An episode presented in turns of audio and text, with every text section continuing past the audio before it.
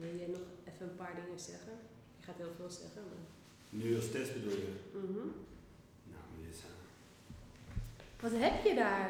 Oh, ik zat net even aantekeningen te maken. Je hoeft ook helemaal, ik kan het helemaal niet bloot over mijn eigen leven, maar ik dacht ik noem het Harm's Midlife. nee, het was gewoon even associëren van, weet je wel. maar- Even associëren, je hebt een hele...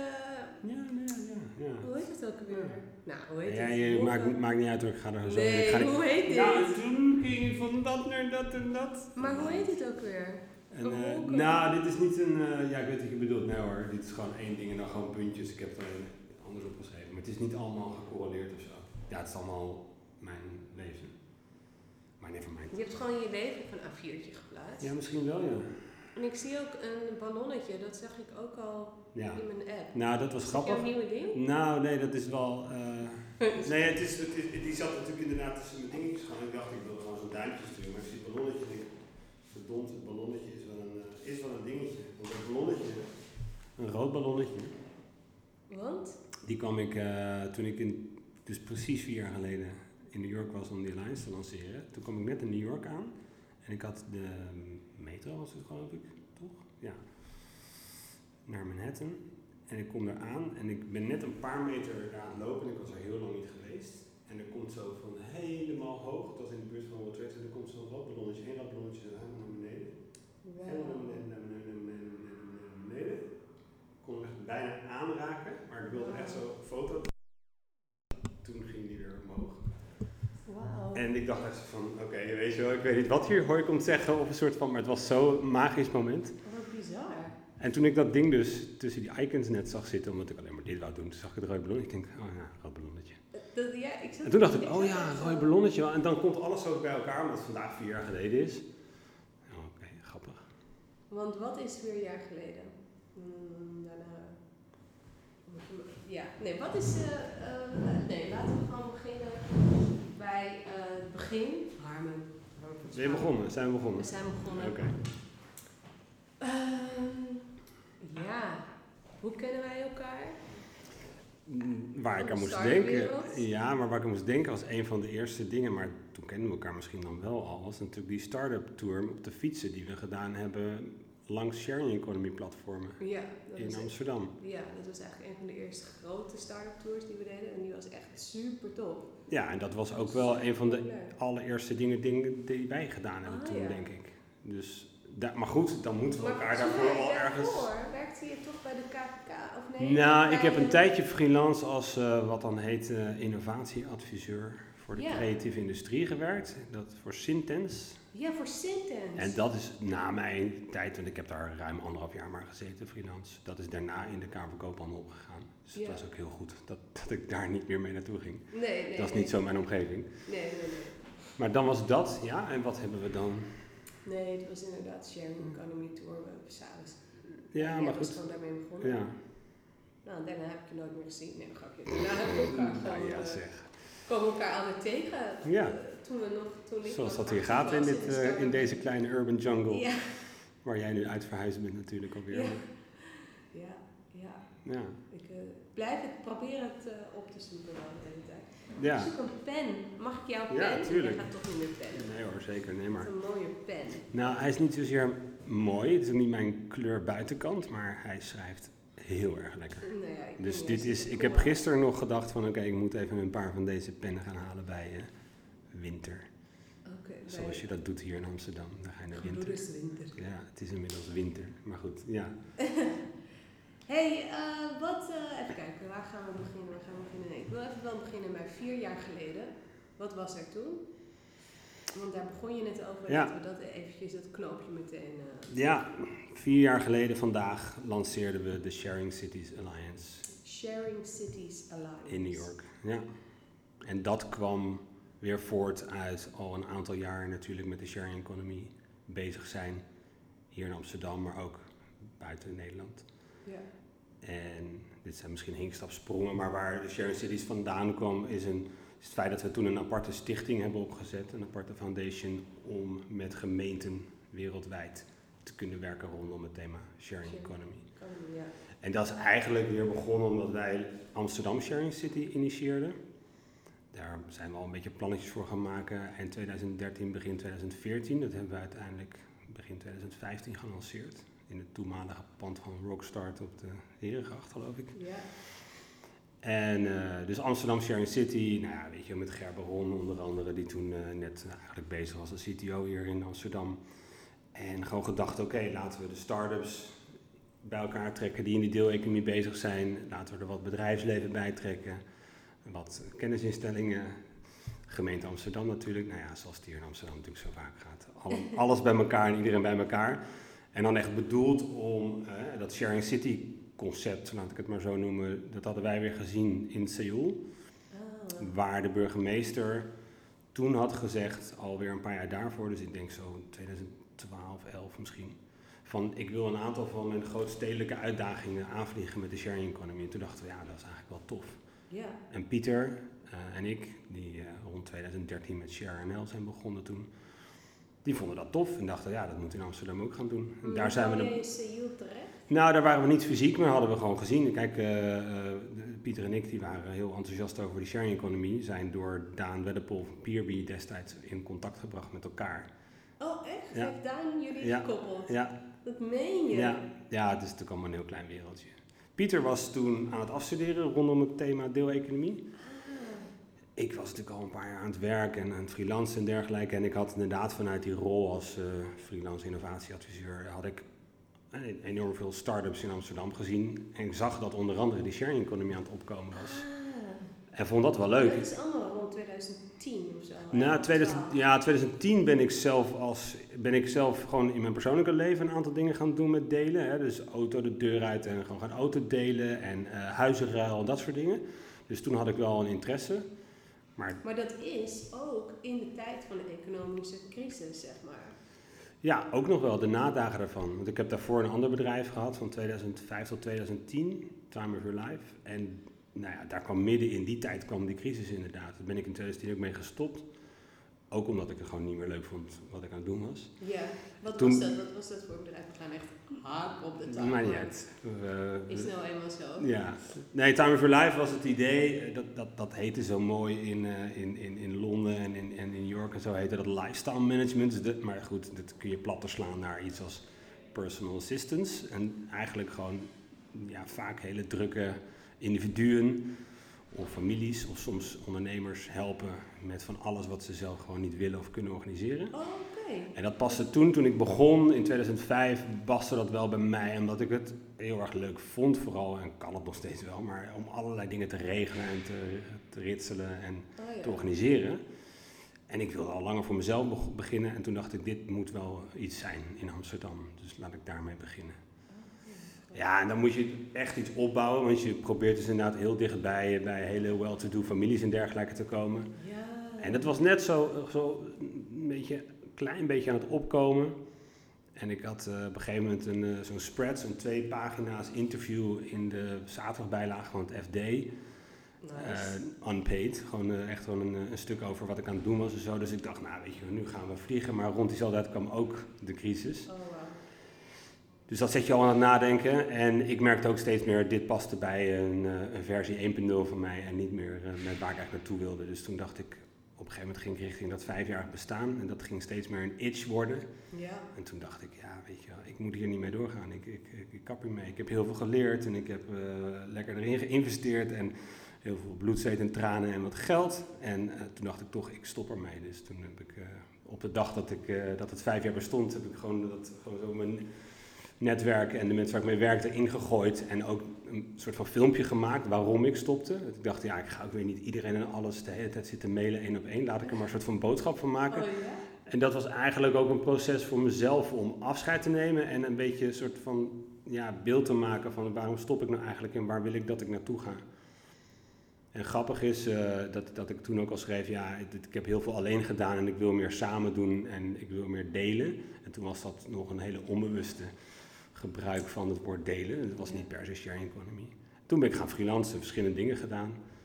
Nou, inderdaad een beetje fast forward. Toen kwam ik inderdaad vanuit die rol als innovatieadviseur met, met die sharing economy platformen in aanraking. Persoonlijk al wat ervaring met dat sharen. Toen dacht ik, ja, dit is wel echt heel tof. Dit is iets waar eh, van alles in zit. Hè. Dus het, het hele mooie sociale aspect van mensen die meer met elkaar in contact zijn omdat ze dingen met elkaar delen. En dat is nu misschien de meer utopische variant van de sharing economy voor sommigen. Het duurzaamheidsaspect natuurlijk. En ook gewoon het feit dat dat mensen wat meer veerkracht geeft. Juist ook nog in zo'n nadagen van een crisis. Dat Een je, beetje extra Ja, bij te precies. verdienen. Dus ik dacht, wauw, wat een toffe combinatie. En toen kwam ik inderdaad Daan van, van Peerby tegen. En die mensen van Snapcar natuurlijk. Toen eh, Pascal en, eh, en Victor. En Marieke van Thuis Afgehaald. En Michel van Connected. En nou ja, eh, weet je, dus dat, dat was ja, wel echt een leuke, leuke begintijd eigenlijk van die platformen in, eh, in Amsterdam of in Nederland. Nou, toen met Pieter in aanraking gekomen en toen zijn we inderdaad eh, met elkaar eh, samen in zee gegaan.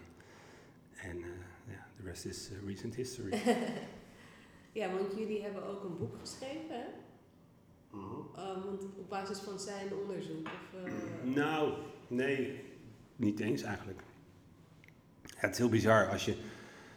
Ik heb daarvoor allerlei verschillende dingen gedaan. En eh, inderdaad, we noemen het net al dat for Life bijvoorbeeld. Maar ook allerlei andere dingen dat ik soms dacht: ik kan hier geen chocola van maken. Als iemand hier nu mijn cv gaat bekijken. Dan, en wat natuurlijk gewoon out in the open is op LinkedIn.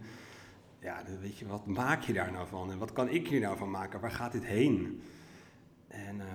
Ho- Want hoe ging je daarmee om? Ik, heb, ik bedoel, ik heb dat soort momenten ook best wel vaak Ja. gehad. Dat ik gewoon echt denk, Nou ja, nee, ik, ik denk dat misschien wel dingen eh, eh, zo blijven totdat je ergens merkt dat iets een helemaal fit is. Want eh, wat toen we met, eh, met, met de sharing economy begonnen hier, toen voelde ik en merkte ik aan alles dat het precies het juiste moment was. En het was een goede fit met Pieter, die ik niet kende van daarvoor. Eh, het was net aan het opkomen. ehm, en zelf natuurlijk wel ook echt een, eh, een eh, goed gevoel bij dit fenomeen. En dan is het allemaal in een soort van één. Nou, ik zit nu uit te beelden met mijn handen, want niemand ziet natuurlijk, maar in één soort van verticale lijn. Hè? Dus allemaal een soort van synchroon bovenop elkaar. En dit is natuurlijk iets wat je meer achteraf kan zeggen dan dat je dat op dat moment merkt. Maar dan komt alles gewoon bij elkaar. Dat, dat is een enorme kracht. En dat is voor een deel misschien iets voorvoelen. Dat, dat, dat heb ik wel. Dat ik wel soms dingen wel aanvoel en zie waar het naartoe kan gaan. Eh, timing, mazzel. Ja, weet je, die dingen bij elkaar in de mix. En nou, toen, toen had ik een keer ook wat waarvan ik dacht: hé, hey, weet je wel, dit, dit, is, dit is allesmaal, dit, is, dit klopt. ja, ja. Het klopt. Het valt allemaal in elkaar. Ja. En dat is geweldig. Dus als je het vraagt naar het boek. Ja, ik had toen eh, contact met TEDx eh, Amsterdam en daar deed ik iets heel kleins voor, heel klein. En toen kwam ik met eh, Sandra Wouts van de uitgeverij Business Contact in contact, want die maakte ieder jaar dan zo'n klein boekje voor TEDx Amsterdam van een van de ehm, talks van het jaar daarvoor. En die hoorde wat we aan het doen waren, toen waren we echt net begonnen. Maar die zei, ja, dan moeten we een boek gaan maken, want het is natuurlijk een te gek thema. Dus ja, een boek maken. Ik ben net begonnen met een eh, onderneming, een nieuwe onderneming. En ik heb helemaal niet de behoefte om te gaan schrijven. Maar ik kende Pieter natuurlijk inmiddels wel een klein beetje. Ik dacht, ja, maar Pieter is wel misschien meer de schrijver en de onderzoeker van ons twee. Ja. So let's talk. Ja, weet je, maar het is een soort van omgekeerde wereld, zeker voor heel veel mensen. Dat je natuurlijk, heel veel mensen hebben natuurlijk de wens of de ambitie om een boek te gaan maken. En begrijpelijk ook best. Nou, had ik zelf dus niet, maar dan komt het dus helemaal in het begin al op je pad. En dat is een van die tekenen van het klopt helemaal. Ja. En zou het boek gaan maken, maar toen ben ik eigenlijk, want daar gaat natuurlijk best wel veel tijd en energie in zitten. En het was helemaal in de begintijd wel eigenlijk, want hij is in 2016 verschenen, maar je bent natuurlijk wel een tijdje op weg voordat hij geschreven is. Ja. Eh, en hij is inmiddels dus alweer vijf jaar oud. Eh, dus heel e- utopisch inmiddels allemaal wat we erin schrijven. Maar goed, dus heeft Pieter wat meer van zijn tijd in dat boek schrijven gestopt. En ik heb er natuurlijk zeker aan mee ge- gecreëerd, maar niet, niet zozeer het schrijfwerk gedaan. En ik ben inderdaad verder gewoon eh, onze onderneming gaan uit eh, en opbouwen. Ja. En daarvan was dus inderdaad het boek één project en het Amsterdam Sharing City inderdaad, om terug te komen op het eerdere een, een project. En vanuit het Amsterdam Sharing City is, is eigenlijk van alles gaan vliegen. Want het was wel, zoals ik het begreep, altijd een non-profit. ja, nou ja, zo hebben we er wel... Nou, kijk, we hebben twee entiteiten. eh Sharonel was eh, eerst Pieters eenmanszaakje, mijn eenmanszaakje. Totdat we op een gegeven moment dachten, nou ja, laten we er maar een VOF'je van maken, want dat is logischer. En we hebben ons wel altijd een social enterprise genoemd. En We zaten later ook vier jaar lang met social enterprise in hetzelfde pand. Maar goed, dat, daar hoef je niet voor in hetzelfde pand te zitten. Ehm, dus wel altijd zo ge, ge- geacteerd. Dus van, ook. nou ja, het was wel een, natuurlijk ondernemingen, eh, onderneming, maar we hebben nooit ook eh, bijvoorbeeld echt subsidies aangevraagd of dat soort dingen Nee, gedaan. Dus wel eigenlijk de wendbaarheid gehad om te doen wat we wilden doen. Ja. Maar wel heel erg vanuit de motivatie van we doen dit omdat we dit belangrijk vinden of dat het hier naartoe moet gaan. En eigenlijk is nooit, en dat is misschien soms ook wel eens een nadeel, maar nooit geld echt leading geweest. Maar dat is super interessant, want dat is ook utopisch. Ja. Utopisch eh, is ons Ja. eh, stopwoordje vandaag. Ja, leuk. Maar want dat is ook heel utopisch voor mensen. Hè? Dat je gewoon een onderwerp hebt, wat je, in ieder geval voor mij, wat je gewoon eindeloos interessant vindt. eh, je niet door geld laat leiden, maar het is eigenlijk wel, maar je wel jezelf kan bedruipen Ja. of zo. Ik bedoel, Ja. kan je iets vertellen over hoe kan dat? Hoe doe je dat? Hoe, hoe is dat ontstaan? Hoe, hoe- ja. Nou, het is niet makkelijk vooropgesteld en ik vind dat zelf ook persoonlijk niet altijd makkelijk. Omdat ik juist ook daarvoor met alle verschillende dingen die ik had gedaan en inderdaad hè, vijf jaar die, die eerste onderneming waar, eh, waar, ik, waar ik eerder geld aan verloren ben en op, op gewonnen had. Dus het is niet dat ik, ik had niet bijvoorbeeld een reserve of iets. En mijn vrouw die is ook al tig jaar zelfstandig. Hm. Eh, dus wij kennen eigenlijk allebei niet, ook niet als, eh, als partners van elkaar, Daan en ik, een soort van comfortabele positie waar, je, waar een van de twee een, een dikke baan heeft. Of waar Ja. een van de twee eens een keer een leuke exit heeft gehad. Helemaal niet.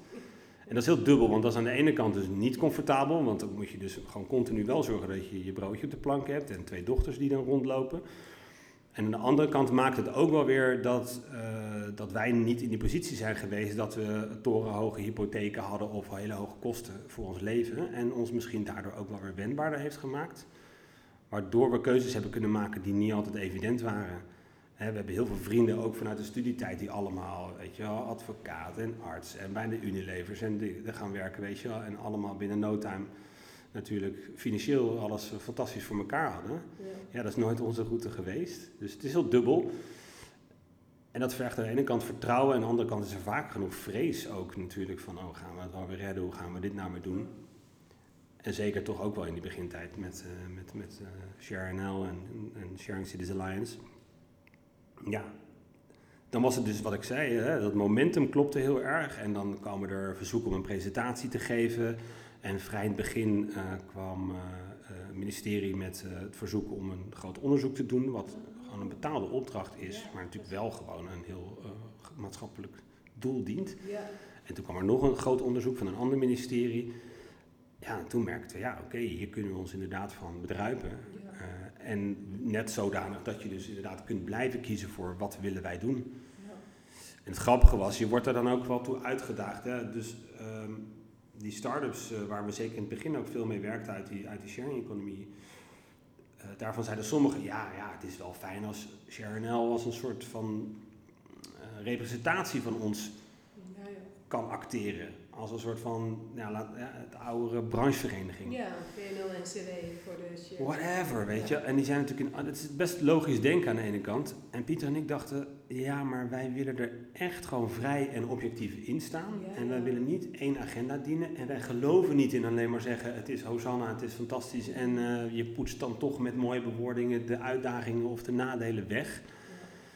Dus dat heeft ons toen vrij snel in het begin al aangezet tot het aanscherpen van onze visie en missie. En dat ook echt uit te spreken. En ook naar die deelplatform of die start-ups, hoe je ze noemen wil. Van, wij denken dat we jou er in die end eigenlijk meer mee bedienen als wij gewoon hier vrij in kunnen staan. En ook gewoon alle uitdagingen van de sharing economy kunnen bekijken, Ja. benoemen. eh, dan dat we alleen maar gaan zeggen dat eh, wij van WC End zo toffe, toffe WC End maken. Ja. Eh, en dat is denk ik ook wel, dat heeft ons voor een deel wel weer bepaald. En ons dus inderdaad vrijgelaten om te doen wat we wilden doen. Ehm, ja, kijk, dan word je niet een onderneming, omdat we natuurlijk ook een ander doel dienen dan één specifieke dienst neerzetten of één specifiek product ontwikkelen. Word je er niet eentje voor in een accelerator programma waar eh, de tonnen of de miljoenen tegen je aanklopt. Nee, nee. Maar dat was ook niet de behoefte. Nee, is eigenlijk zijn jullie experts geworden in het veld. Ja, Met het netwerk en, en Ja. expertise inhoudelijk. Ja, ja en heel snel. En dat is ook weird hoor. Dat is ook voor, eh, voor degene die meeluistert. Wij spreken nog misschien in de beginnende rol zit van als je zoiets zou willen. Mhm. Wanneer ben je dan expert? Ja. Hè, want wij hadden dan zo'n Loki eh, WordPress websiteje in het begin in de lucht gegooid. En dan is er een aanspreekpunt. En dan binnen no time hangt er een journalist aan de lijn. Ja. Ja, nou, jullie weten eh, ongetwijfeld alles van de deeleconomie, dus vertel eens, want eh, ja, we willen je in een radioprogramma of we willen je bij Nieuwsuur. Of... En in het begin voelt het heel weird, want dan kom je zelf uit een andere hoek. En Pieter die kwam net uit de collegebanken. En weet je, je bent er natuurlijk wel helemaal ingedoken en je hebt heel veel enthousiasme. Maar ja, what do you know? Het is ook een nieuw fenomeen. Ja.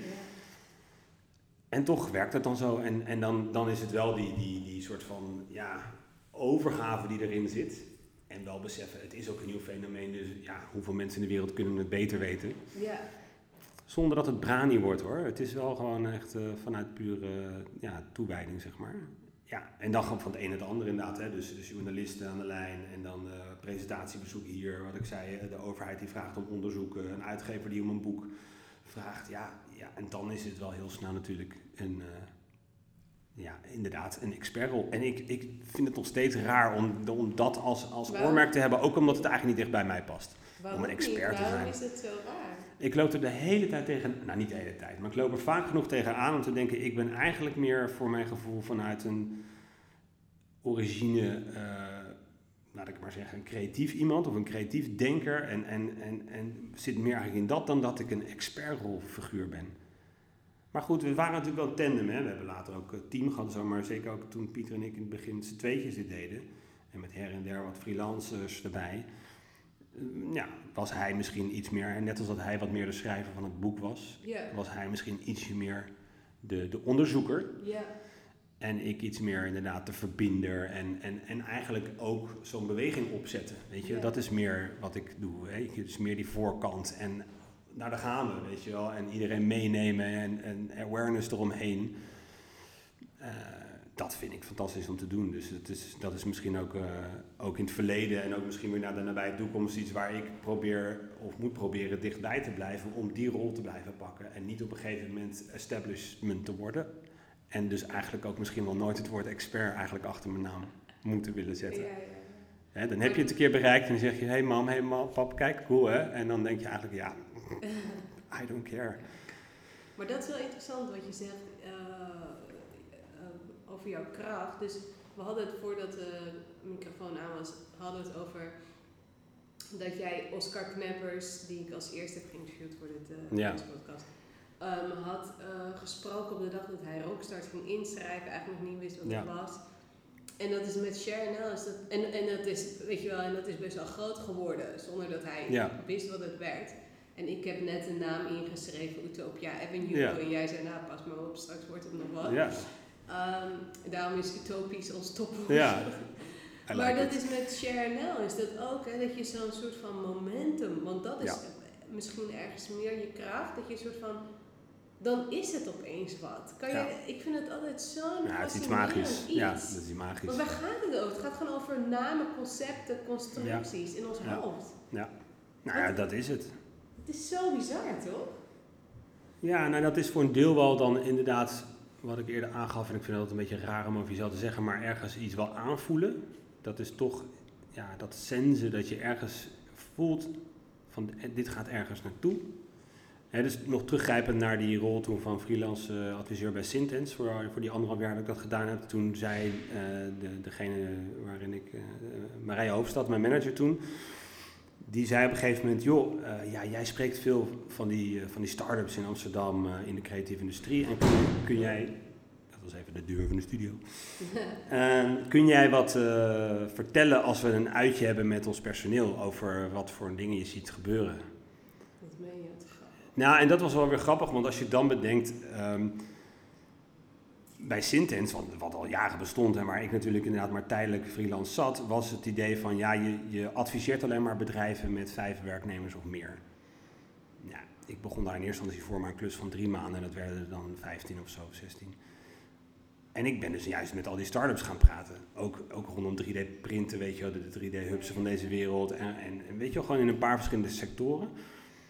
En toen ja, zei een enkeling wel eens, ja, maar jij mag helemaal niet met start-ups praten, want die hebben allemaal geen personeel. En dat is niet de missie van eh Sintens. En toen dacht ik, ja, maar hier zit de grootste innovatiekracht. En weet je wel, als je mij wil dat ik met innovatie bezig ben, advies geef in de creatieve industrie in Amsterdam en omstreken, dan moet ik met die start-ups praten. Ja.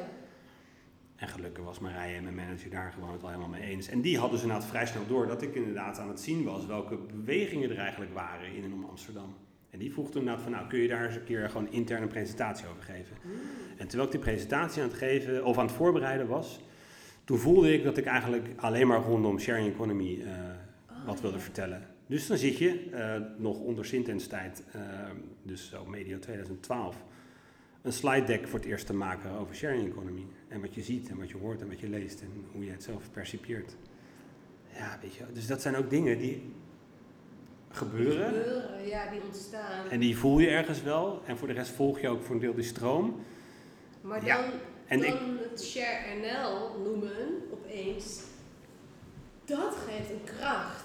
Ik weet niet hoe ik het ja. kan, beter kan omschrijven, maar dat is zo bizar. Ja, Toch? Dat is, dat, eh, is toch dan ook gebeurd? Ik bedoel, je kan ook gewoon onder je eigen naam of zo. Ik ja, nee, ja, nee, de bak was dat die naam. Ik ben heel erg, ik vind namen geven ontzettend leuk. Maar deze naam komt niet uit onze koker. Want die was wel al bedacht door een paar van die start-ups die af en toe bij elkaar kwamen. Oh, dat meen je. Om te overleggen van, joh, we zitten in hetzelfde vaarwater. En eh, hoe gaan we daarmee om? Dus die hadden dat Share NL genoemd. Ik vind het zelf niet eens een hele sterke naam.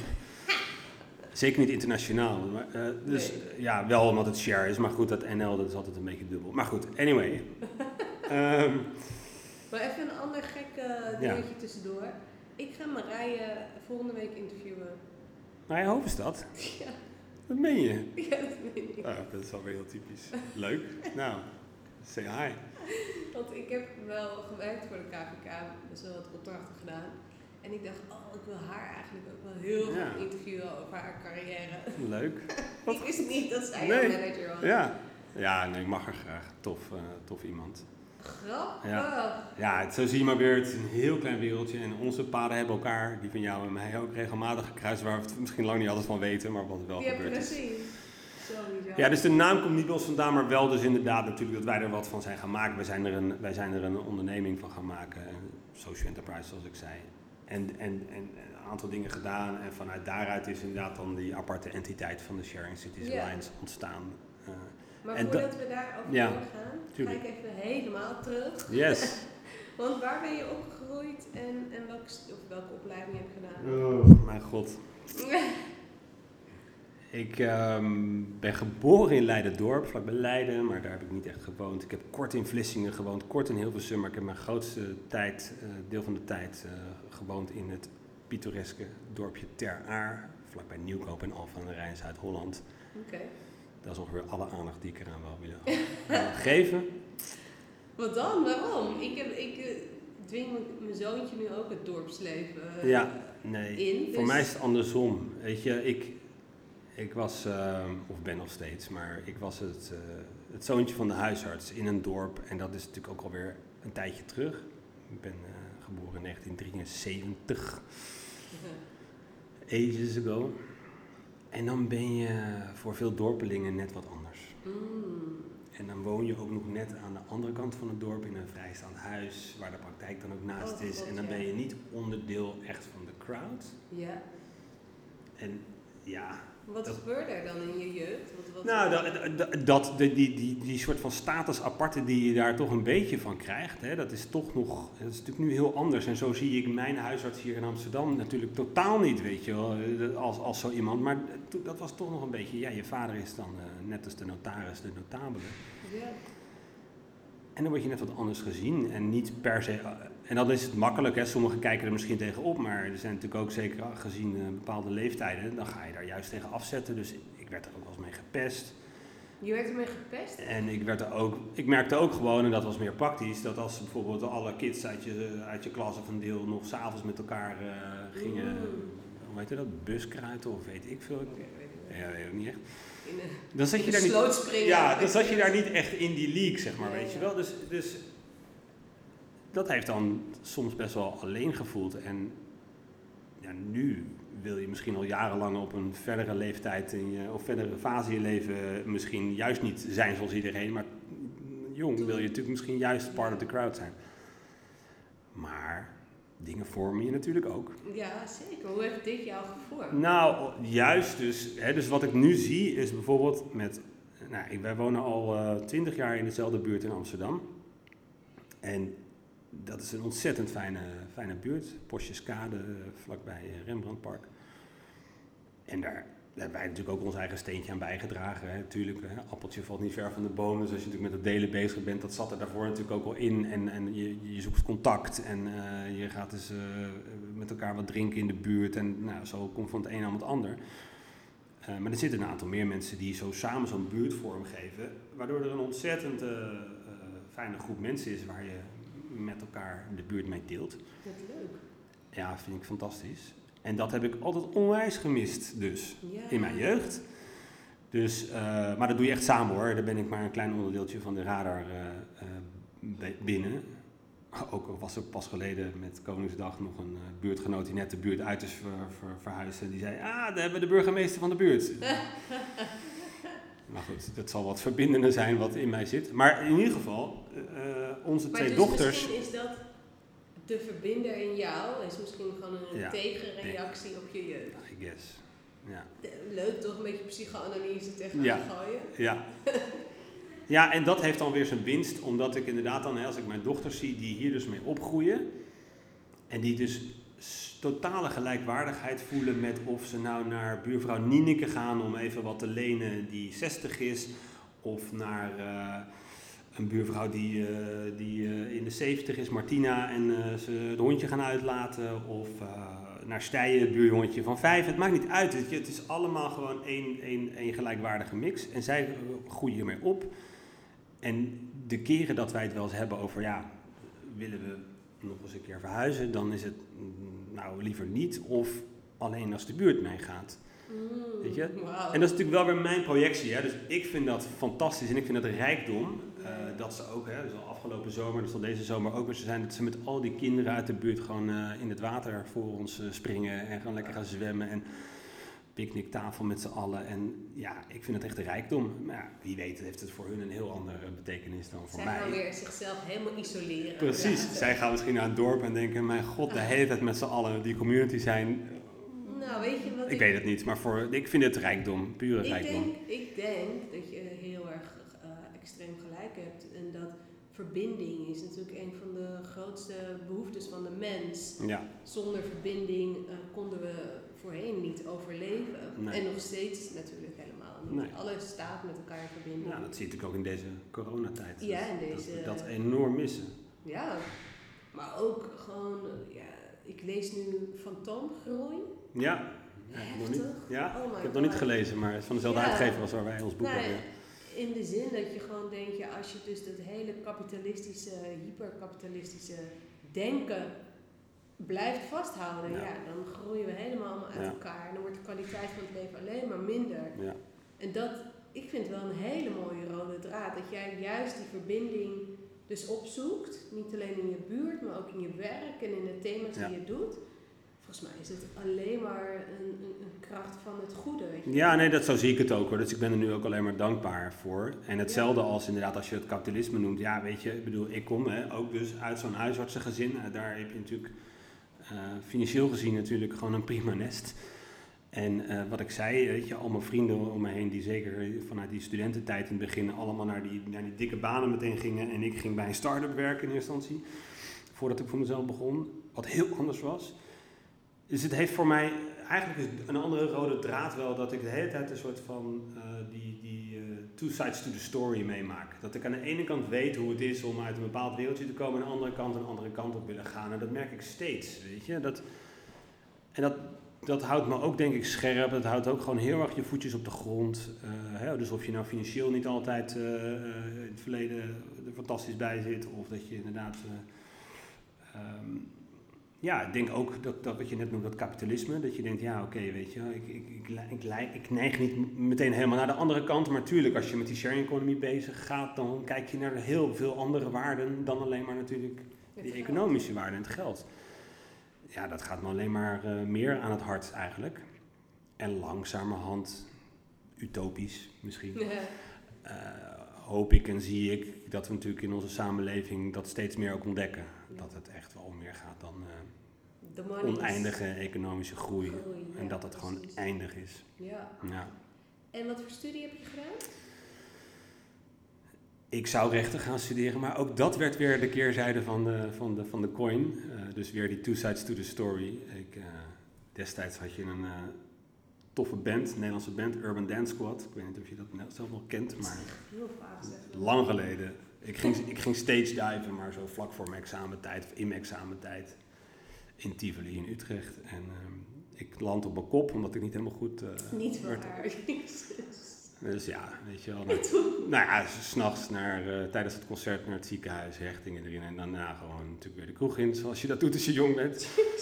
Maar goed, toen heb ik op een tiende punt eh, de VWO-examen niet gehaald. En toen, ja, het was een beetje, ja, wat ga ik doen? En toen heb ik zo'n jaartje, zo'n tussenjaar gehad waarin een aantal vakken nog weer hert, weet je wel, zo. Nou, uiteindelijk ben ik toen maar gaan kiezen voor eh, een, eh, toen dacht ik, dan ga ik een jaar HBO doen. En dan ga ik vanuit daar alsnog eh, rechten doen.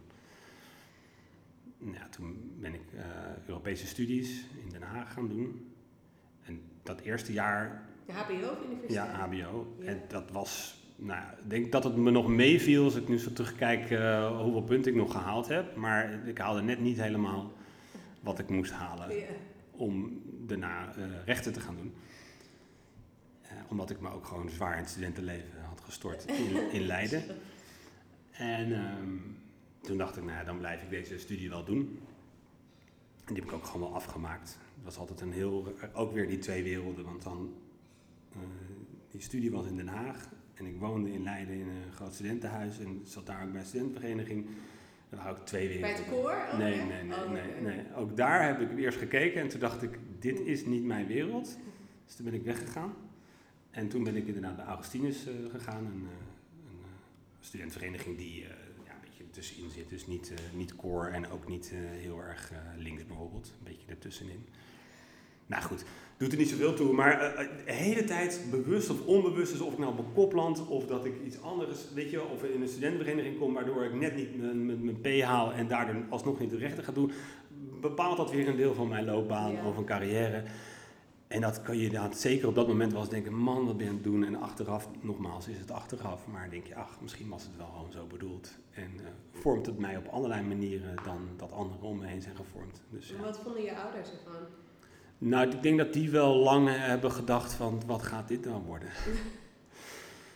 En Wat moeten we hier nou mee? Ja. En ehm, Leven ze nog? ja, ze leven nog, ze zijn nog in goede doen, gelukkig. Zijn Oh, fijn. Ja. En wat, wat vinden ze er nu van? Ja, nu, ja, nu zijn ze natuurlijk wel trots. Ja? Ja, Oh, wat leuk. Het is niet iets dat ze nou de hele dag van de toren blazen. Dat hoeft ook helemaal niet. Maar ze begrijpen het ook. ja, ja, weet je wel, ja, ja. Het is totaal iets anders dan wat zij gedaan hebben. En eh, dat zat er ook wel in. Ehm, ja. Nee, die hebben dat wel, denk ik, af en toe met ledenogen aangezien. En dat zullen ze natuurlijk niet altijd naar mij uitgesproken hebben. Maar dat voel je natuurlijk heus wel eens aan. Ja, ja. oh, maar wat, is- wat, is, wat is hij nu weer aan het doen? Wat heeft hij nu weer bedacht? En waarom gaat het nou weer zo? Dat, dat kan, ik- kan ik me wel eens voorstellen dat dat af en toe eh, gedacht is. Want dat weet ik ook wel. En nu vinden ze het natuurlijk fantastisch wat ik de afgelopen jaren allemaal heb... eh, meegemaakt en heb mogen doen. Dus ja. Ja. En soms, ja, weet je, dan, eh, sommigen die hebben een... Ik heb wel eens tegen Pieter gezegd, die dus vanuit, vanuit die collegebanken dit is gaan meemaken. Terwijl ik al allemaal al dingen... Het zijn natuurlijk gewoon twee verschillende personen. Terwijl ik al allemaal andere dingen hiervoor heb meegemaakt. Dat ik wel regelmatig tegen Pieter zei... Pieter, wat jij nu meemaakt door net uit je collegebanken te zijn... en nu de wereld rond te reizen, zo'n fenomeen op te zetten... En eh, met deputy mayors in New York of eh Seoul of eh, Kaapstad te maken... is niet helemaal normaal, hè? dat je dat weet. Ja, dat je dat even weet, weet Hierna wel. kan het ja. heel saai worden. ja, dat is dus ook zo. Dat is dat je dan, ja, dat is, ja, wat wil je liever? Wil je meteen een soort van enorme spurt en dan daarna weer kijken hoe het verder gaat? Of kun je dan door? Of, ja, of krijg je dan een soort van tussenlanding en dan weer wat anders? Ja, ik had wat langere runway nodig Ja. en dat is oké. Dat is oké. Ja, Er is nog genoeg eh, tijd ook voor mij om nog weer allerlei mooie dingen te doen. Dus, eh, tuurlijk. ja. Ja. dat maakt ook helemaal niet uit. En waar ben je nu mee bezig? Nou, Sharing, Sharing Cities Alliance is iets waar we nog steeds eh, mee bezig zijn. En waarbij we dus met eh, verschillende gemeenten in de wereld nog altijd samenwerken. Dus die zijn eh partner, zoals wij dat noemen, maar die zijn, die zijn aangesloten, die betalen een jaar bijdrage. En dan, eh, dan helpen we hen. En dan we En organiseren. waar help je ze in? Nou, het kwam natuurlijk, eh, we het in 2017 dan in New York, vier jaar geleden wat ik zei vandaag, eh, gelanceerd. En toen was het echt eigenlijk uh, waar wij dus inderdaad zelf ook al zeiden toen we daarvoor al uh, met ShareNL bezig waren, we kijken naar de kansen en de uitdagingen van de deeleconomie. Nou, die kansen worden natuurlijk uiteraard zeker gezien, maar zodra er uitdagingen komen, dan wil men natuurlijk graag kijken, oh, uh, hoe doe jij dat? En die grotere platformen die er natuurlijk ontstonden, en dat waren toch heel vaak de Airbnb's en de Ubers van deze wereld, die werden natuurlijk door diverse gemeenten wel als een, uh, als een aanzienlijke uitdaging ook gezien. Ja.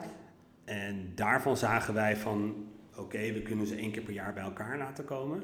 Hè, want toen wij Amsterdam Sharing City lanceerden in 2015, toen in 2016, toen zei Kajsa Ollongren, die natuurlijk toen nog uh, hier de, de, deputy mayor was, of de, de, de wethouder, de wethouder um, die zei van nou, als we ons dan een Sharing City noemen, dan moeten we ook wat internationale collega's bij elkaar trekken. Dus toen rondom de Next Web in 2016 uh, kwam er een deputy mayor uit New York en uh, ja. in Kaapstad en Barcelona en Seoul en Toronto en dergelijke. En daar, dus ik ga nog heel veel terug, uh, daar zei toen de deputy mayor van New York, Alicia Glenn op dat moment, die zei nou laten we dit volgend jaar opnieuw doen maar dan in New York. Dus dat was mei 2017. En op weg naar dat dat weer een summit zou worden, toen dachten wij, ja, dit wordt alleen maar nijpender voor die gemeente en belangrijker voor die gemeente om met elkaar samen te werken. En dan is één summit per jaar gewoon lang niet genoeg. Ja. En toen dachten we, ja, daar moeten we gewoon iets voor opzetten. En omdat we het gevoel hadden dat het beter was om dat in een aparte entiteit te zetten, hebben we daar dus de Sharing Cities Alliance voor gelanceerd. En hoe komen ze nu samen en hoe vaak? Nou, dat is natuurlijk, ja, die summit is jaarlijks en die zou vorig jaar, uh, dus die is in Amsterdam geweest, toen in New York geweest, toen in Barcelona geweest, uh, toen in Zweden geweest, gewoon jaarlijks nog steeds. Die zou vorig jaar in Seoul zijn. Mm. Toen werd dat natuurlijk op een gegeven moment gezegd, dat gaan we digitaal doen. En het zou heel mooi zijn dat het in Seoul zou zijn, omdat dat voor ons ook ooit de inspiratie ja. was geweest. En de burgemeester er ook bij betrokken was, totdat de burgemeester daar zelfmoord pleegde vorig jaar zomer. Mijn god, dat ja. meen je. Ja. Dus, uh, Omdat de summit niet doorging? Of is nee, nee, daardoor ging de summit niet door. Nee, nou nee, dat, dat, dat denk ik dat we dat hier wel kunnen grappen. Uh, nee, er was, er was een hele uh, gerespecteerde man met ook een lange carrière en dergelijke. Maar er was toch ook al een langlopende affaire met een assistente, geloof ik. En dat is iets wat hij op een gegeven moment niet meer kon Schaamte. verdragen. En dat is daar cultureel toch iets anders dan hier. Ja, Dus ik die vind heeft, het ook eh, wel altijd zo grappig dat een zelfmoord daar ook nog gewoon altijd een van de opties is die je kan Ja, kiezen. Ja, bij ons ook natuurlijk, Mm. bij iedereen. ja, Maar daar nog meer geaccepteerd of zo bijna. Ik weet het niet. ja.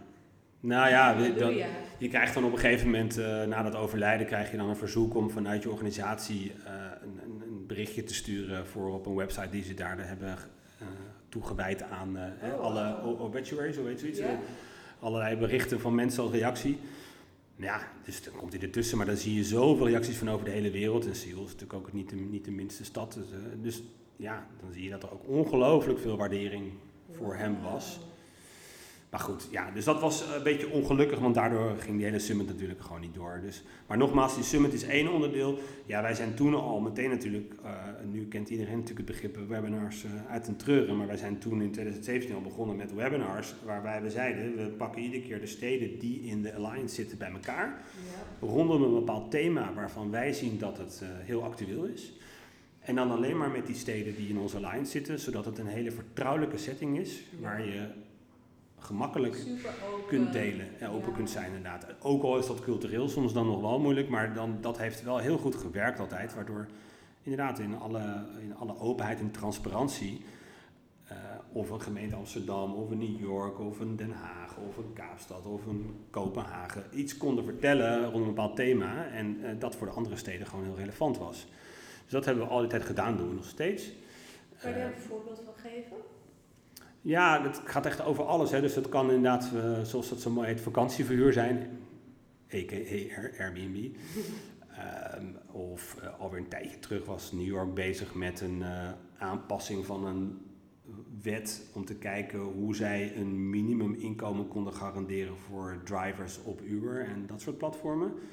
Want het was allemaal nog heel erg ja, in ontwikkeling. New York is dan wel een stad die dan echt zelf al kijkt hoe kunnen wij soms misschien voorop lopen op wat er landelijk geregeld is. Weet je, dus dan zijn dat soort dingen iets. eh, of eh, Tracy Cook van, eh, van de stad Toronto. die heeft ook voor haar gemeente onder andere wetgeving en beleid gemaakt rondom Airbnb en daarna rondom Uber. En ja, die heeft, het is fantastisch mens ook. En dat vind ik ook een van de grootste rijkdommen van de afgelopen jaren. Dat je geweldige mensen van over de hele wereld tegenkomt. Tracy die ontmoet ik voor het eerst toen ze dus was uitgenodigd door Kajsa en haar team hier in 2016 in Amsterdam.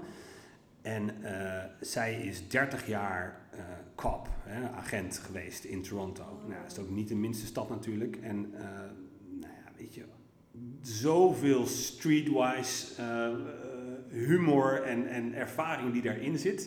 Ik had toen meteen al een klik met haar. Dus je kan ook met alle respect zien dat ze heel erg van donuts houdt en dergelijke. Maar gewoon heel lief, tof, te gek mensen. En heel erg ook, ja, echt zo'n gevalletje van heel klein, lief hart. Maar aan de andere kant ook gepantserd door, eh, door heel veel op de straat te zijn geweest en heel veel te hebben gezien. Ja, en zo iemand komt dan op een gegeven moment, klimt dan op binnen zo'n gemeente en, en, en, wordt dan op een gegeven moment gevraagd, ja, ga jij maar beleid maken rondom uh, Uber. En dat was voor haar ook de behoefte om onder andere bij zo'n Alliance te zitten, om ook te voelen van wat doen andere steden ja, weet je wel, ze werd daar in haar eigen stad ook Tracy Crook genoemd door die taxichauffeurs. Want ja, je was nu met een nieuw platform bezig en dat is een bedreiging voor de, reguliere taximarkt. Weet je, zij, heeft, net zoals veel andere steden met die grote platformen, echt de balans moeten zien te vinden tussen oude en nieuwe wereld. Wat heel uh, uitdagend is, maar ook wel gewoon heel belangrijk. En wat nog aan de orde van de dag is.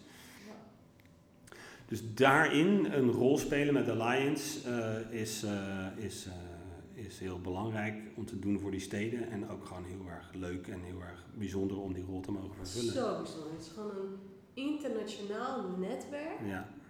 van gewoon wethouders eigenlijk. En, en, en, en topambtenaren ja. in die gemeentes die zich bezighouden met deeleconomie. Dus ja, deeleconomie. En dan zie je vrij snel, dat hebben we de afgelopen jaren ook wel gemerkt, dan komen er wel allerlei aanpalende fenomenen bij kijken wat heel leuk is en wat soms ook je focus wel eens een keer vertroebelt. dus zoals, nou ja, zoals nu, we hebben, we hebben al een paar jaar geleden bijvoorbeeld een eh, groot Future Work. En Future Work is natuurlijk ook aanpalend. Hè? Dus als je vanuit die deeleconomie oh, kijkt, dan zie je natuurlijk allerlei digitale platformen opkomen. En vanuit die digitale platformen zie je natuurlijk ook weer dat arbeid aan het veranderen is. Doordat natuurlijk, hè, de, neem maar alle bezorgdiensten en dergelijke. En hoe zit het dan weer met sociale zekerheid? En uh, hoe zit het met... Uh, nou ja, carrièreontwikkeling van de jonge mensen die daarop uh, op, op werken. Dus wij hebben een paar jaar geleden al bijvoorbeeld voor Randstad een groot Future Work rapport geschreven. We zijn nu er eentje aan het schrijven voor een andere organisatie. Dus dat komt er bijvoorbeeld bij. Uh, digitale transformatie. Ja, het is ook heel leuk hoor. En digitale transformatie uh, as a whole, weet je. Dus gewoon natuurlijk wat, wat is er allemaal aan het veranderen, waardoor onze samenleving verandert, of onze steden veranderen. En je krijgt ook, dat is ook wel zo, dat is ook leuk hoor, dat je dus per stad is er een ander iemand natuurlijk, uh, een contactpersoon namens die stad.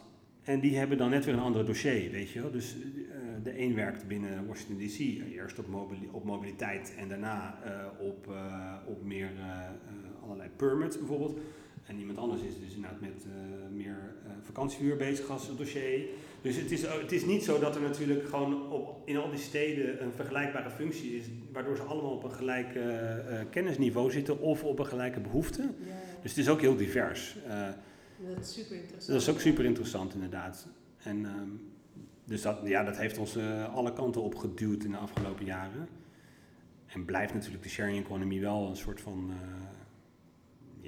DNA. Ja. er komt ook veel in, in terug. Hè? Ik heb ik heb het ook, we hebben, we hebben ehm, tijdens de, vorig jaar, tijdens de eerste paar maanden van de pandemie, een hele webinarserie ontwikkeld samen met een grote Amerikaanse organisatie.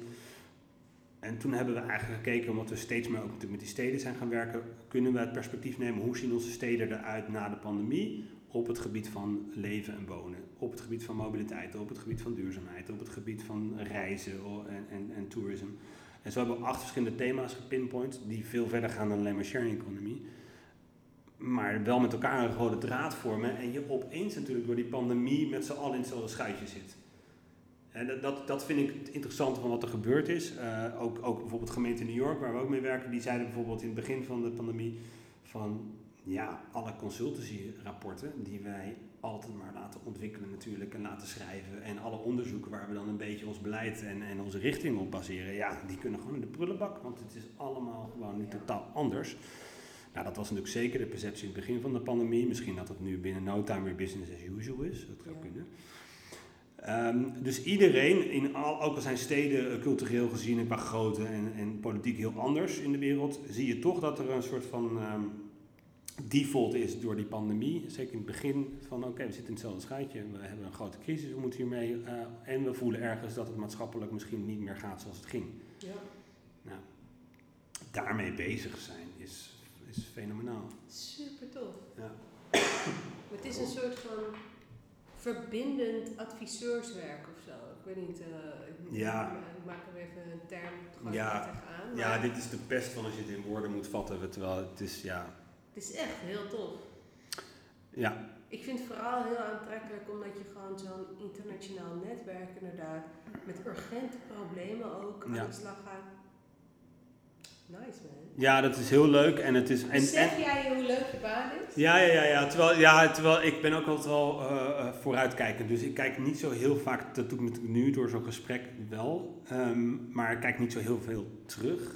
Maar ik, ben me wel, ik besef het me wel hoor. Kijk, het, het gevoel. En dingen zijn ook wel een beetje full circle aan het komen, eh, besef ik me de laatste tijd. Maar het gevoel van die alliance toen in New York lanceren. En ja, weet je, ik weet het is New York. Maar goed, ik was, ik was 17 toen ik daar voor het eerst kwam. Nog met mijn ouders. New York, hallo. En weet je wel, het is, ik was toen ook gewoon meteen verliefd. Dus ik weet het, het is totaal niet origineel. Maar goed, ook ik was meteen verliefd. En als je als 17-jarige daar rondloopt en dan denk ik, wow, weet je, alles alleen maar opzuigen, opzuigen, opzuigen. Vrij kort daarna nog twee keer daar geweest en toen een hele tijd later pas. Ehm, dan besef je natuurlijk nooit dat je op een gegeven moment, een stuk verderop in je, in je leven, dat er een moment is dat jij een organisatie aan het lanceren bent in New York, waarvan de deputy mayor van New York zegt, ja jongens, tegen allemaal steden in de zaal, ik kan jullie ten, ten sterkste, of weet je iets, ik kan je streng, eh, sterk aanbevelen om aan te sluiten bij de Lions. Dan ben je wel, zeker als je dan verderop in die dag bent en dat dan nog als onderdeel van die summit georganiseerd door New York, wij hebben een beetje geholpen, maar New York heeft dat voortref- voortreffelijk georganiseerd. Toen was er aan het eind nog een boottocht eh, met al de deelnemers, hè, dus veel steden van over de hele wereld, er natuurlijk bij en zo. Ja, dan vaar je om Manhattan en zo langs het Statue of Hmm. Liberty aan het eind van de dag. eh, bizar, gewoon zo'n politiebootje achter je als een soort van begeleiding eh, vanwege veiligheid en zo. En je staat met een drankje en een hapje op zo'n boot met eh, inderdaad deze mensen. En je hebt net je tweede organisatie gelanceerd. Ja, dat is surreal. Ja, dat wordt heel surreal. Dat is heel surreal. Ehm, Om het maar in het Amerikaans ja, ja, ja, ja, ja. Nee, ik kan heel snel ook heel blasé klinken. Zo is het echt niet bedoeld. Ik bedoel, eh, maar het is, dat is echt een bijzonder moment. En zowel Pieter als ik merkten ook eigenlijk toen we dit allemaal deze dag hadden gehad en wij op een gegeven moment naar ons hotel terug eh, gingen. Toen waren we met elkaar nog natuurlijk helemaal, boe, helemaal aan en helemaal energiek. En eh, dat is misschien nog wat meer mijn energie, maar ook hij stond natuurlijk helemaal aan. Natuurlijk, Ja. En ehm, op een gegeven moment horen we iemand achter ons die ons, aanspreekt van... Are, are you guys talking Dutch? En je zegt, ja, nou, ja, sowieso. "Eh, wat doen jullie hier dan? En eh, nou ja, we hebben een summit net gehad en we hebben net onze alliance gelanceerd. Oh, yeah, yeah, I heard about the summit. Zo, wat, weet je wel, joh, Hoe kan het dat je in een miljoenenstad loopt... een Amerikaanse iemand tegenkomt, een lokale New Yorker... eh, die dus blijkbaar voor de, de, een bepaalde tourism board van de stad werkte... en wist dat dit aan de hand was. Ook omdat dan toch zo'n deputy mayor erbij betrokken is, dan weten ze natuurlijk wel wat er aan de hand is. En die was op weg naar huis aan het eind van de dag. Dus nou, weet je. Ja, toen hadden we helemaal zoiets, ook was dat nou misschien een helemaal niet zo'n groot voorbeeld, maar we hadden zoiets van, het is een en al magie en er is, en, en ja, New York heeft natuurlijk wat die aantrekkingskracht is, of je nou 17 bent en daar voor het eerst rondloopt, of eh 30 jaar later daar bent, of, of vijf, vijf, wat is het nou, iets minder dan 30 en dan eh, zoiets meemaakt, dat je, je voelt de, de buzz, de vibe, de, de energie van die stad die, die, die, echt een level hoger ligt. En daar ben je dan even helemaal onderdeel van. Ja, dat is, eh, ja, dat is, dat is magisch inderdaad. Dat is magisch. En toen, toen hadden Pieter en ik ook wel zoiets van, eh, oké, dit is ook voor ons en ons werk nu wel naar een hoger niveau nog eens een keer gegaan. Ik bedoel, we geven al alles wat we, we geven, maar dit is nog wel eens een tandje hoger. We hebben ook vaak teruggegeven destijds aan het team wel van... eh, de- jongens, we werken nu wel op een niveau dat, eh, dat kwaliteit gewoon eh, misschien nog wel belangrijker was dan Ja, daarvoor. Terwijl je natuurlijk ook gewoon moet blijven spelen. Het moet ook niet te serieus nemen. En nu komen dingen misschien wel full circle, omdat, omdat we nu bezig zijn met plannen met onder andere Ricardo, die je natuurlijk ook voor de mic hebt gehad voor een eiland net onder Manhattan, om daar misschien een soort van sustainability hub Ja, dat vertelde hij al. te gaan initiëren. Dus daar zijn we nu onder andere mee bezig en bij betrokken. En ik, het gevoel dat allerlei dingen nu ook van wat wij de afgelopen jaar gedaan hebben, zo in elkaar grijpen. Ja, dus, dus dit is nog wel eh, in the making. Ja. eh, eiland in New York, Ja, gericht op sustainability. Ja. Grote oplossingen voor grote problemen, toch? Ja. Ja dat, is, dat, dat, dat is dus, als je dus inderdaad vooruitkijkt en wel weer gewoon nog wat te ambiëren wil hebben, dan is dat, ja, dat is weer eh, Een nieuw. een nieuw eh, avontuur. En terwijl ik altijd best ook wel gezond kritisch kan zijn op allerlei dingen. Of eh, kan denken, nou weet je gaat dat wel vliegen? Heb ik hier een gevoel bij, het zou moeten kunnen. En dan is het heel raar dat je dan een paar weken geleden gewoon een mailtje krijgt vanuit eh, New York met... eh, ja jongens, we denken aan dit pand. Eh, zou dat wat voor jullie zijn? En dan krijg je zo'n zo'n foto en beschrijving van een pand van 1843 met van die enorme zuilen en een Oh, porch vet. aan de voor- en de achterkant, allemaal groen eromheen. En ja, zouden jullie dit misschien zien zitten? Ja. Dat, je denkt, hè? mag ik mezelf weer even knijpen van is this real? En er moet nog van alles gebeuren. Eh, het is allemaal, het is niet, zeker niet zomaar gedaan, dit. Het is een hele, hele opgave weer. Maar wel, ik voel daar heel veel in samenkomen. Niet omdat het dan eh, weer in New York is, maar omdat ik steeds meer die urgentie ook voel dat we een aantal dingen hebben te doen in deze wereld. Zeker als je, nou ja, dat is aan de ene kant die sociale verbinding en dat we met elkaar gewoon in contact blijven. Maar dat is oh, net, net zo goed of nog wel meer natuurlijk het duurzaamheidsaspect. Ja. En dat, eh, bedoel, dat, dat ook met twee jonge dochters, hè, ze zijn, eh, zijn eh 11 en 14. Waarvan ik niet zo lang geleden besefte van ja, die worden allebei in dit decennium volwassen. En Man, Als je, ja, ja, crazy. ja, en als je dan het besef hebt, hè, 2030 is altijd al voor, voor ons al wat langer zo'n zo'n eikpunt geweest, maar dat is, dat is natuurlijk voor heel veel organisaties en steden misschien ook wel. Hè, van, 20, dat- 30, ja, dan, is er, dan is er misschien nog veel meer niet meer reversible. Ja. Maar wat je natuurlijk als ouder wil, is dat je je kinderen loslaat, als, ook al zijn ze volwassen en zouden ze dat, hè, moet je het aan hen laten. Ik vind het loslaten nu al moeilijk als de jongste nu ook eh, in de eentje eh, op de fiets naar school wil. En ik denk nee, van 11. Maar zij denkt ja. Eh, maar goed, dat je... Dan maar die wereld verbeteren, waar ze Nou ja. Exact. Je wil toch als vader of als ouder, of, of iedereen mm, voor een nieuwe generatie, dat je iets achterlaat van een plek waarvan je denkt, oké, daar kun je in ieder geval zo goed als kwaadst kan met, met alles waarmee je ook op je bek gaat. Dat weet ik. Maar daar heb je een toekomst. Weet je wel? En dat voelt zo, eh, ja, Urgent. dat voelt zo urgent. En, ehm, dus het is, het, is, het is allemaal heel mooi hoor, al die belevenissen. Maar het, het allerbelangrijkste is dat we inderdaad eh, een samenleving hebben en een aardklootje waar je nog een tijdje met elkaar kan uithouden. Niet de hersens inslaat omdat je niet verbonden bent. Of elkaar straks hersens inslaat omdat je om water of eten of weet ik veel wat, een, een leefbare plek moet vechten. Ja. Ja. Dus dat is wel de bottom line hoor. Dus eh, even de, de reis langs New York, maar het gaat hier om. Ja. Gaat En waarom moet dat dan, de ene laatste vraag, maar waarom moet dat dan in New York zijn? Waarom niet in Amsterdam of weet ik het?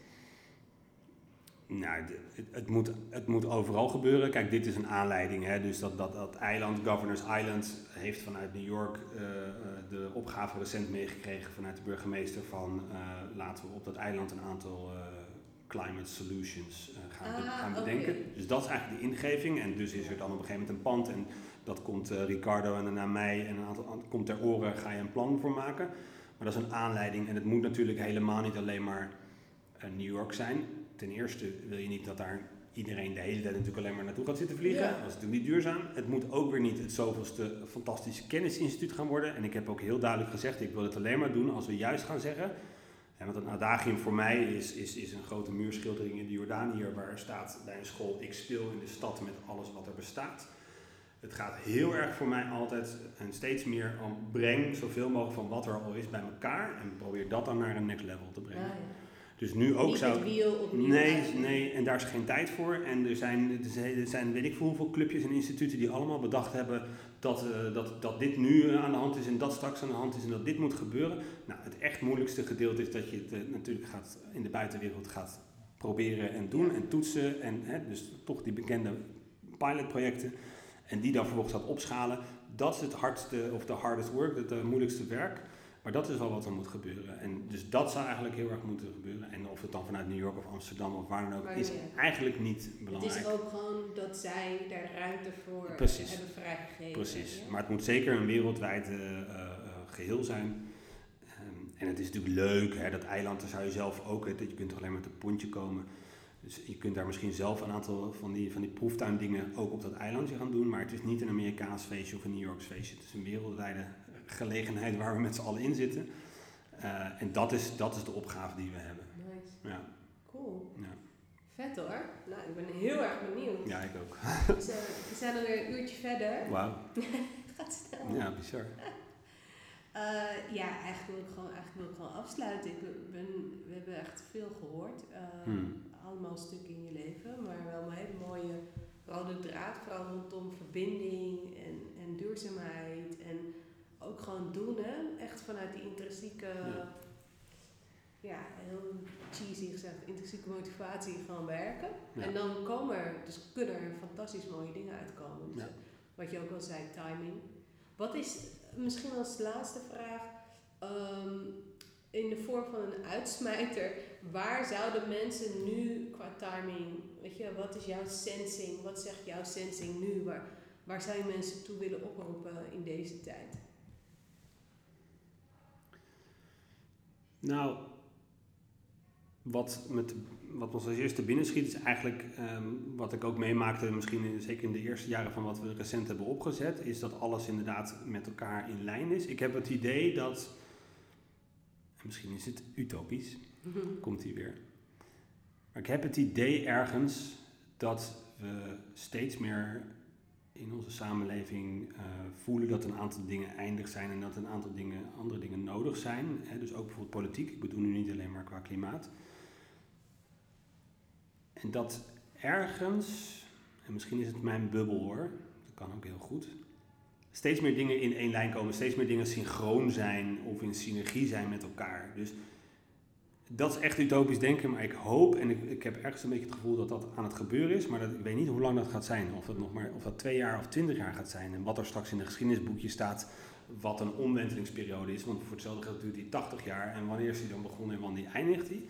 Maar dat steeds meer dingen misschien wel als een soort van ringen allemaal zo bovenop elkaar in één lijn met elkaar het raken zijn. Ja, dat is, ja, het, ja, het is wel mooi dat die utopie. eh, het, dat is misschien utopisch, maar dan, dan dat alles klopt. Dat alles samenvalt. Dat het, dat, en dat, dat je dan eh, weer een samenleving hebt waar, waar die verbinding is. Waarin we gewoon totaal in verbinding ook leven met, met de aarde en met elkaar.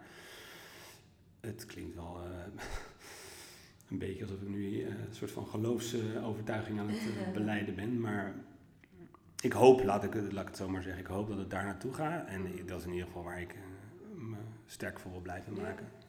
En wat is dan je oproep aan de mensen? Aan, aan, aan mensen die luisteren? Nou, een ander idee waar ik nog mee speel, maar daar zal ik dan niet veel over uitweiden, maar dat is een beetje nog onder de radar, maar is dat ik denk dat we misschien wel allemaal meer een andere skillset, maar het is meer dan skills, maar een andere skillset nodig hebben in deze tijd. En ook in de komende tijd. Dat we een aantal waarden misschien wel opnieuw moeten ontdekken. Hè. Zo zien we dat op scholen misschien het schoolsysteem niet meer is zoals, we het aanpa- zo- zoals het past op wat we nu nodig hebben van onze jeugd. Maar het net zo goed ik en misschien ook nog wel mensen die weer nog een stukje verderop in het leven zijn, echt een aantal eigenschappen eh, te ontwikkelen of eh, te verdiepen die we nu nog wat minder kennen, maar die bijvoorbeeld door zo'n pandemie weer opgeroepen worden. Neem veerkracht. Mhm. Neem eh, het kleine waarderen in plaats van alleen maar dat grote willen omarmen. Er zijn een aantal dingen die we zullen moeten veranderen, misschien wel en misschien wel blijven moeten veranderen om, om om te kunnen gaan met wat we ook meemaken. Ehm, dus daaraan werken is denk ik gewoon ongelooflijk belangrijk. En ehm, daar komen dingen bij, denk ik, als hè, veerkracht, openheid, vertrouwen. Weet je, we hebben misschien wel andere waarden nodig voor een deel als individu en als samenleving. Ehm, dus misschien is vertrouwen eh, eentje om dan mee te geven aan de luisteraar. En ehm, ook denk ik wel eh, durven varen op je gevoel, intuïtie. Dat dat steeds belangrijker wordt. Dat, het- dat je bewustzijn steeds groter is dan alleen maar de kop en de ratio.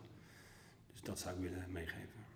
Luister naar je gevoel en, eh, en, durf, en durf, ook, eh, durf ook die ontwikkelingen te blijven maken. Dus om maar terug te vallen met, bij waar, waar ik natuurlijk al jaren mee bezig ben, eh, ook is dare to share. Ja, Durf dat ook. Durf die verandering te omarmen en daarmee te spelen. mooi. Het is grappig, want je hebt begonnen over Oscar, nog voordat we aandeden. Maar die, daar gaat zijn interview met hem gaat daar ook Hmm. over. Hoe hij, dat is inderdaad de intuïtie. En dat, die vergelijking zie ik ook met jou. eh, echt heeft omarmd. En dat dat gewoon ja, een hele belangrijke skill is. Ja. ja. Tof, dankjewel. Heel graag gedaan, Melissa. Dankjewel.